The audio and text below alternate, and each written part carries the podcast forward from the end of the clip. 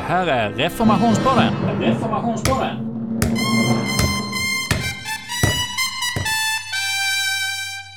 Ja, på nytt så vill vi från Kyrkliga Förbundet nu hälsa er alla hjärtligt välkomna till vår programserie Reformationspodden och vårt andra avsnitt. I det här programmet så är temat Varför inträffade reformationen? Och vår eh, programledare Thomas Appelqvist träffar idag flera gäster som han tillsammans samtalar om detta tema med. Och vill ni veta mer om dem som eh, Thomas samtalar med så kan ni på vår hemsida kyrkligaförbundet.se eller i poddradioappen rulla neråt i listan av eh, program härifrån Reformationspodden så finns det presentationer med var och en av våra gäster som är med i vår programserie. Och med detta säger vi nu välkommen till dagens avsnitt.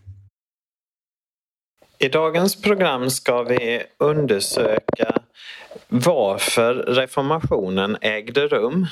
Eh, och eh, det gör vi förstås i ljuset av frågan på vilket sätt kristenheten som helhet har blivit rikare tack vare Luther och reformationen. Och eh, först så ska jag vända mig till Leif Eriksson i Åbo.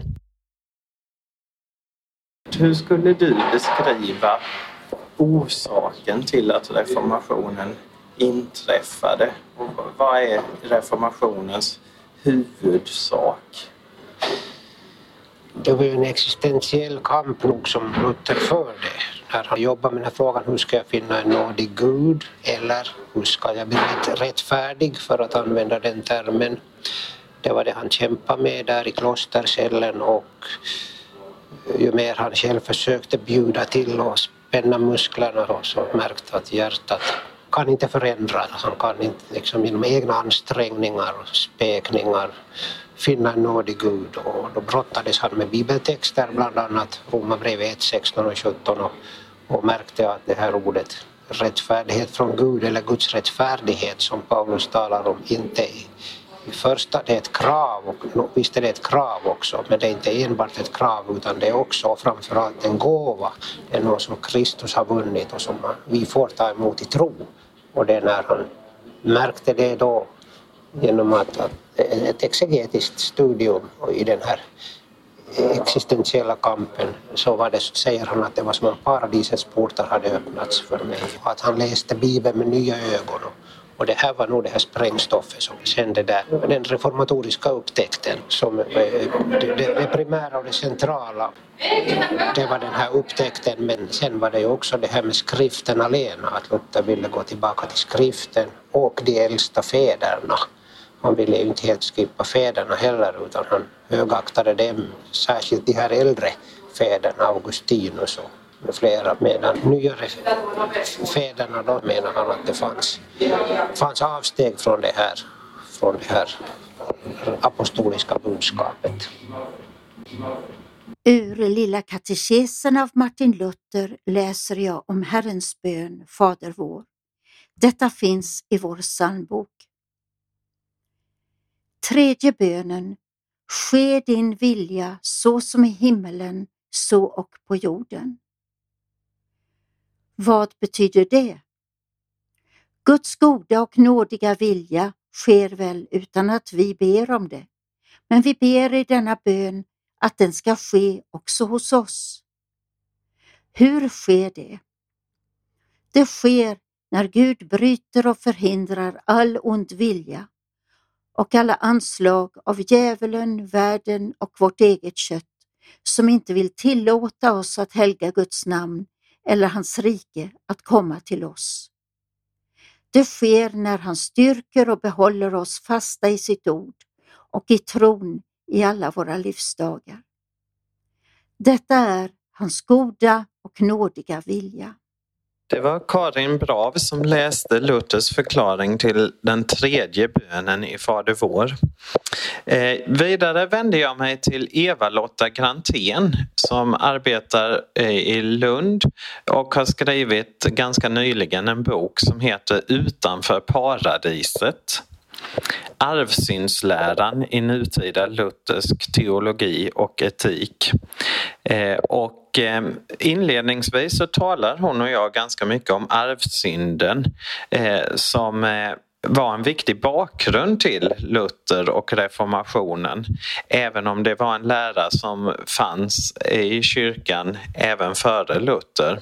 Du har skrivit eh, mycket och du har också tagit, eh, man kan väl säga att fokus i din bok egentligen är på att förstå det här utifrån ett nutida perspektiv. Ja.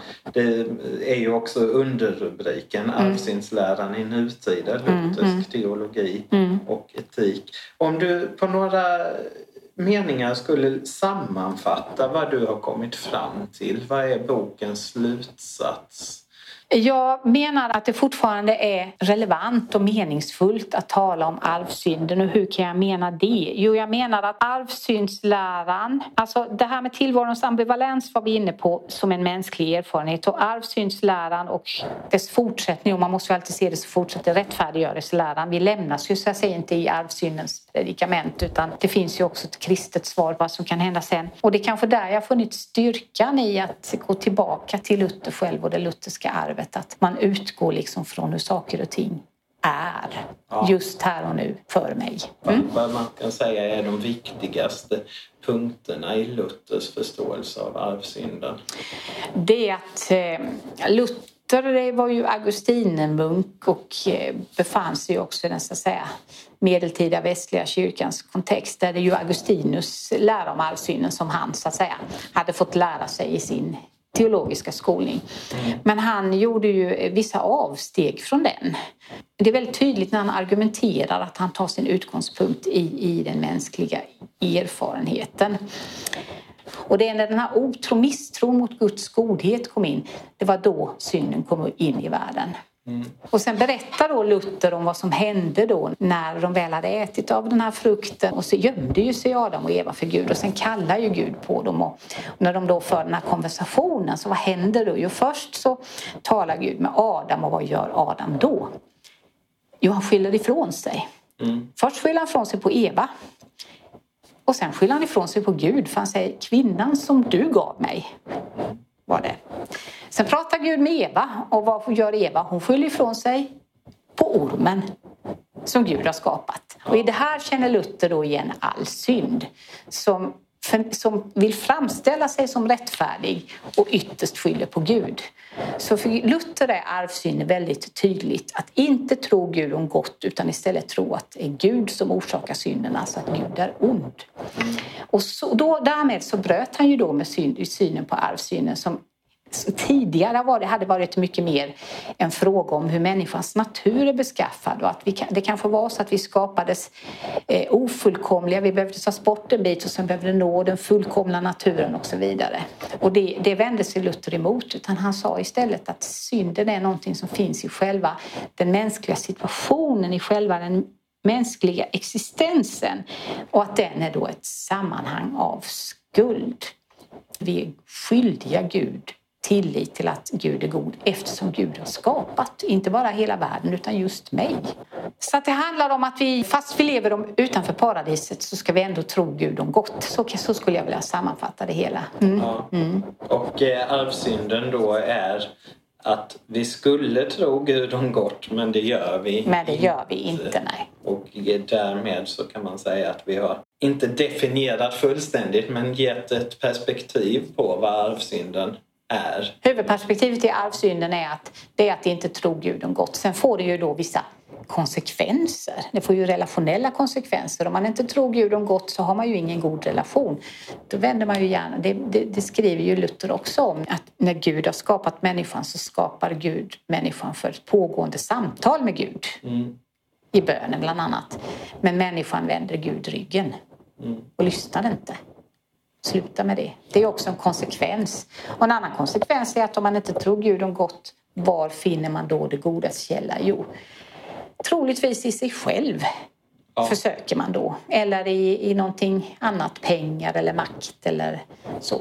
Mm. Mm. Och att det inte då leder till gott eftersom det är Gud som är godhetens källa och. Gud som är skaparen.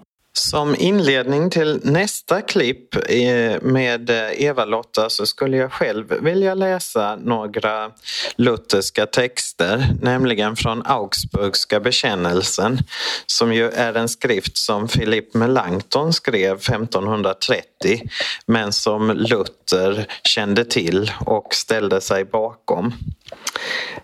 Den Augsburgska bekännelsen har ett antal artiklar och först läser jag från den andra artikeln som handlar om arvsynden. Vidare lära de att efter Adams fall alla människor som fötts på ett naturligt sätt födas med synd, det vill säga utan fruktan för Gud utan förtröstan på Gud samt med ond begärelse och att denna sjukdom eller arvsynd verkligen är synd som medför fördömelse och bringar evig död även nu åt dem som inte födas på nytt genom dopet och den helige Ande. Just det här uttrycket ond begärelse eh, heter på latin concupiscentia eh, och det är den termen som jag nämner när jag talar med Eva-Lotta. Men vi kommer också in på eh, barndopet och i samma Augsburgska bekännelse i artikel 9 så skriver eh, Melanchthon om dopet och vad de lutherska teologerna tänkte kring det. Om dopet lära de att det är nödvändigt till saligheten och att Guds nåd tillbjudes genom dopet samt att barnen böra döpas för att de genom dopet må frambäras till Gud och så upptagas i hans nåd. Det var Melanchthon och 1530-talet. Nu går vi till Eva-Lotta och hör vad hon säger om de här frågorna. Eh, ett annat uttryck som du inte kanske nämner lika ofta men som på sitt sätt är lika viktigt nämligen concupiscentia. Mm. Begärelse brukar väl det mm. översättas. Mm. Ett oordnat begär skulle jag säga. Ja. ja. Det är det negativa, det oordnade begäret. Ja. Begär i negativ mening. Ja, och, Om eh, man har begär efter mat när man är hungrig så är det inte... Det är ett ordnat begär, ja. precis. Eh, det är, ju, det är ju ett viktigt begrepp just för Augustinus och de följande i arvsyndsläran. För det, för det här med de oordnade begären, alltså de som inte stämmer överens med hur man tänkte sig att människans egentliga natur i betydelsen att människan är Guds avbild. Det blev väldigt viktigt som en förklaringsmodell och man, man sa också att det var den här var det som orsakade eh, synden, en oordning i den mänskliga naturen. Och därmed så konstruerade man också en arvsynslära som, och, en rättfärdiggörelselära som syftade till att man skulle ordna den eh, och fullkomla den mänskliga naturen. Mm. Men Luther sa nej, det som orsakar synden är inte ett oordnat begär utan det är ju den här otron eller misstron mot Guds godhet. Men det får det här oordnade begäret som en följd, som en konsekvens. Som en konsekvens är att man inte tror Gud om gott och, inte, och istället försöker ordna det goda för egen del. Det kan bli att ens begär blir helt felriktade, att man begär mycket rikedom eller makt eller sådär. Mm. Så att han, han, istället för att vara syndens orsak så blev det en följd av synden. Så skulle jag nog eh, säga att jag har förstått det. Det har Luther sagt, de barn som inte blev döpta som han dö innan sådär, att det är Guds barmhärtighet finns där. Men barnet däremot behöver dopet och då kan man ju säga varför behöver barn dopet? Ja men det har att göra med eh, hela den så att säga känslomässiga sfär som hela den här reformatoriska tanken befinner sig i för Luther. För Luther var det väldigt mycket så att den gud han hade mött var ju den vrede guden. Den gud som anklagade honom natt och dag får inte vara. Uppfylla alla lagens krav för att inte vara fullkomlig. Och, sådär. och det var först när han mötte Gud som den barmhärtige Kristus som han fick den glädje och livsmod som sen för honom blev det han ville förmedla vidare. Och han menar att eftersom barn också oundvikligen kommer att synda så behöver barnen dopet vi kan säga med ett modernt ord ett själavårdande perspektiv. Luther har själv sagt så här, på min tro kan jag tvivla men inte på dopet. I dopet får vi ett löfte om Guds kärlek och närvaro hela livet, mm. oberoende av vad vi gör. Att det här med att leva så att man befrämjar ett ekumeniskt gott klimat. Hur skulle du säga att eh, man från lutherskt håll, vad vore ett sunt och kreativt sätt att eh, nu 500 år efter reformationen eh, underlätta den här dialogen? Ja, när du säger lutherskt håll så vill jag göra skillnad på på lutherdomen i allmänhet och eh, Sverige. När det gäller Tyskland och USA så är, ju de, är det stora lutherska kyrkor där de har eh, ganska, eh, eller mycket, mycket gedigna teologiska dialoger. Jag saknar från Svenska kyrkans sida att det finns eh, nu kommer vi över på sånt som inte är den här praktiska verkligheten med ekumeniska vesprar och sånt. Mm. För det är någonting som vi kan göra tillsammans hela tiden. Men när det gäller den teologiska dialogen så saknar jag eh, verkligen eh, den teologiska substans som finns till exempel i Tyskland. Bland lutheraner ja, det, i Tyskland? Det, det, det kan jag säga och då kan ju lyssnarna säga att du har själv varit professor i systematisk teologi så du kunde ju tänka på hur du har utbildat präster. Jag har gjort mitt bästa men jag tror att ska vi komma till en ekumenik som både är praktisk och substantiell när det gäller tron och trons formulering så måste vi ta historien på allvar. Vi måste ta våra respektive utgångspunkter på väldigt djupt allvar. Alltså, vi måste diskutera och eh, samtala om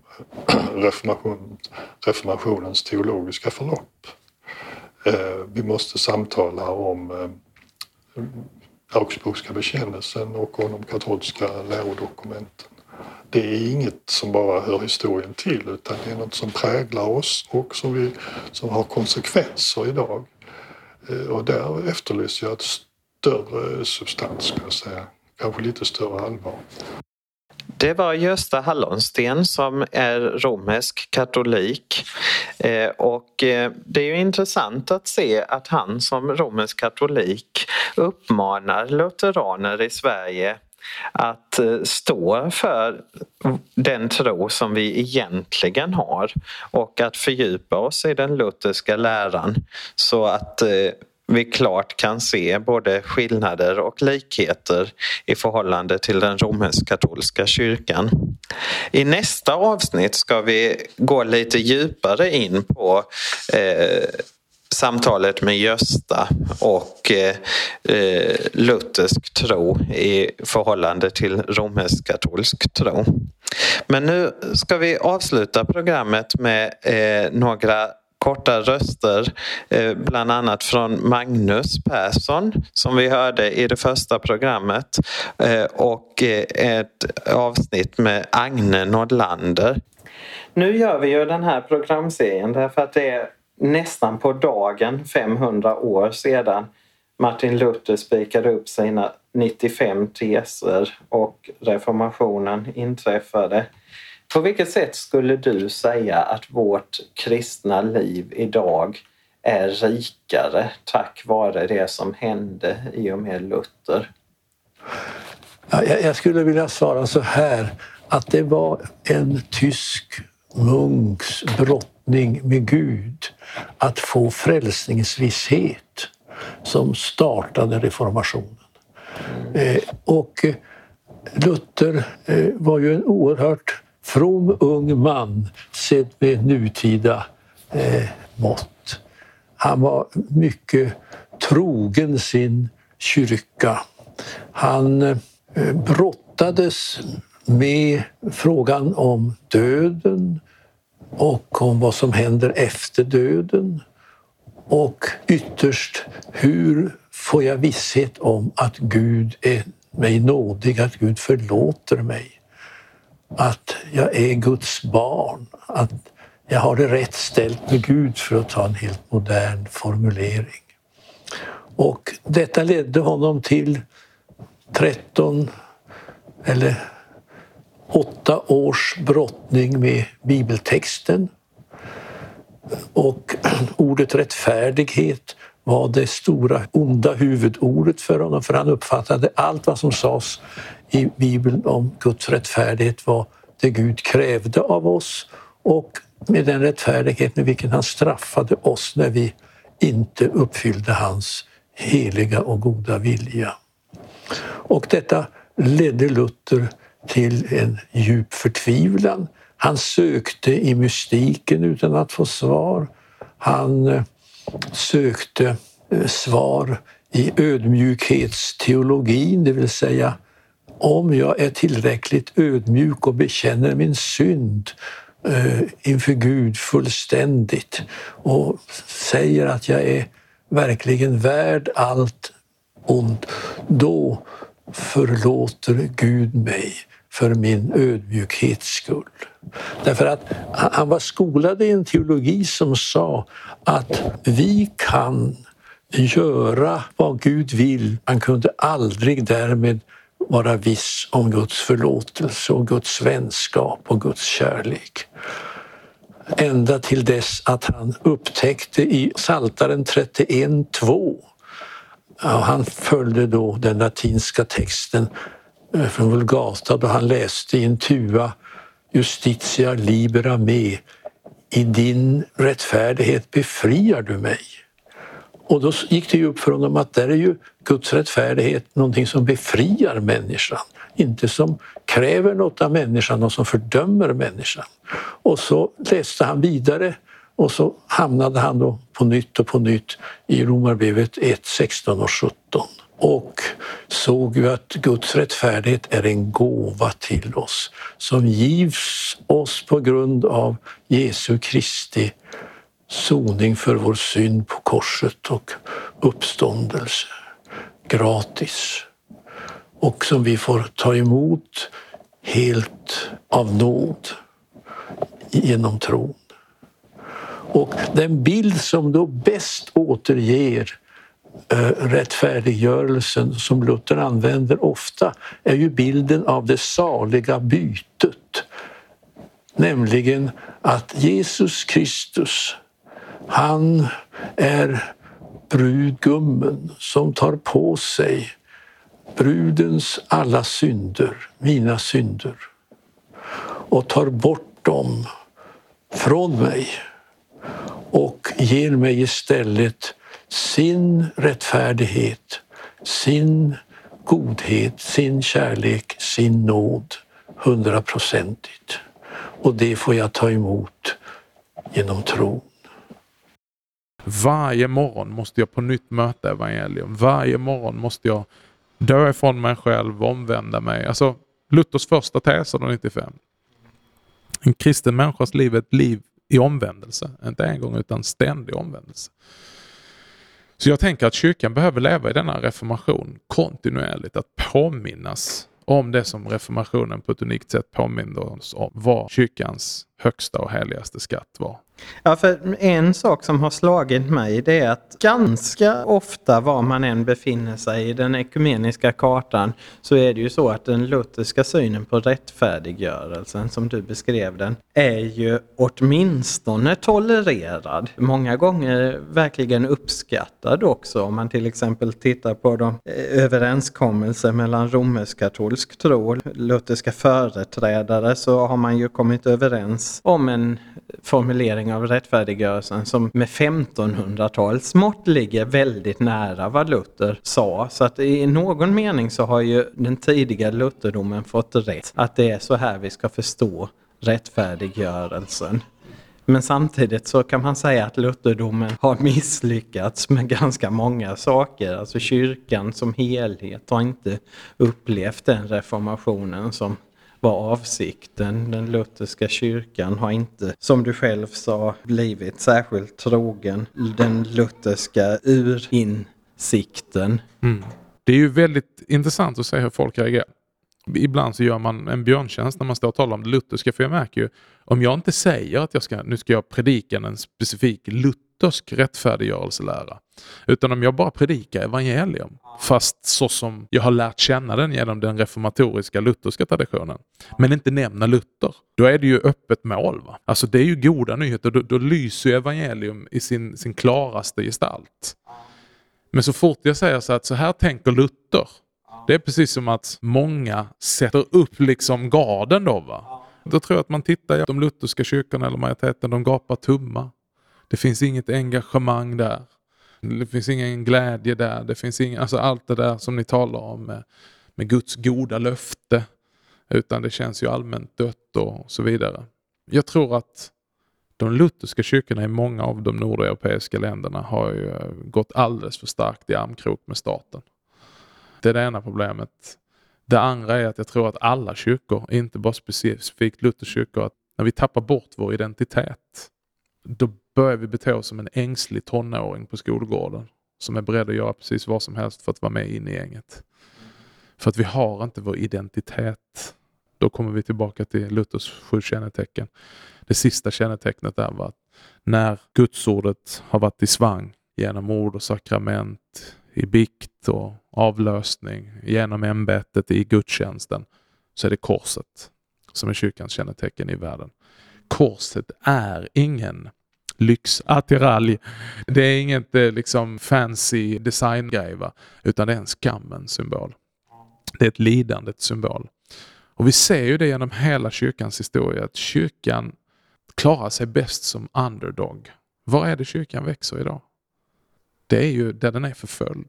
Där den har horribla omständigheter.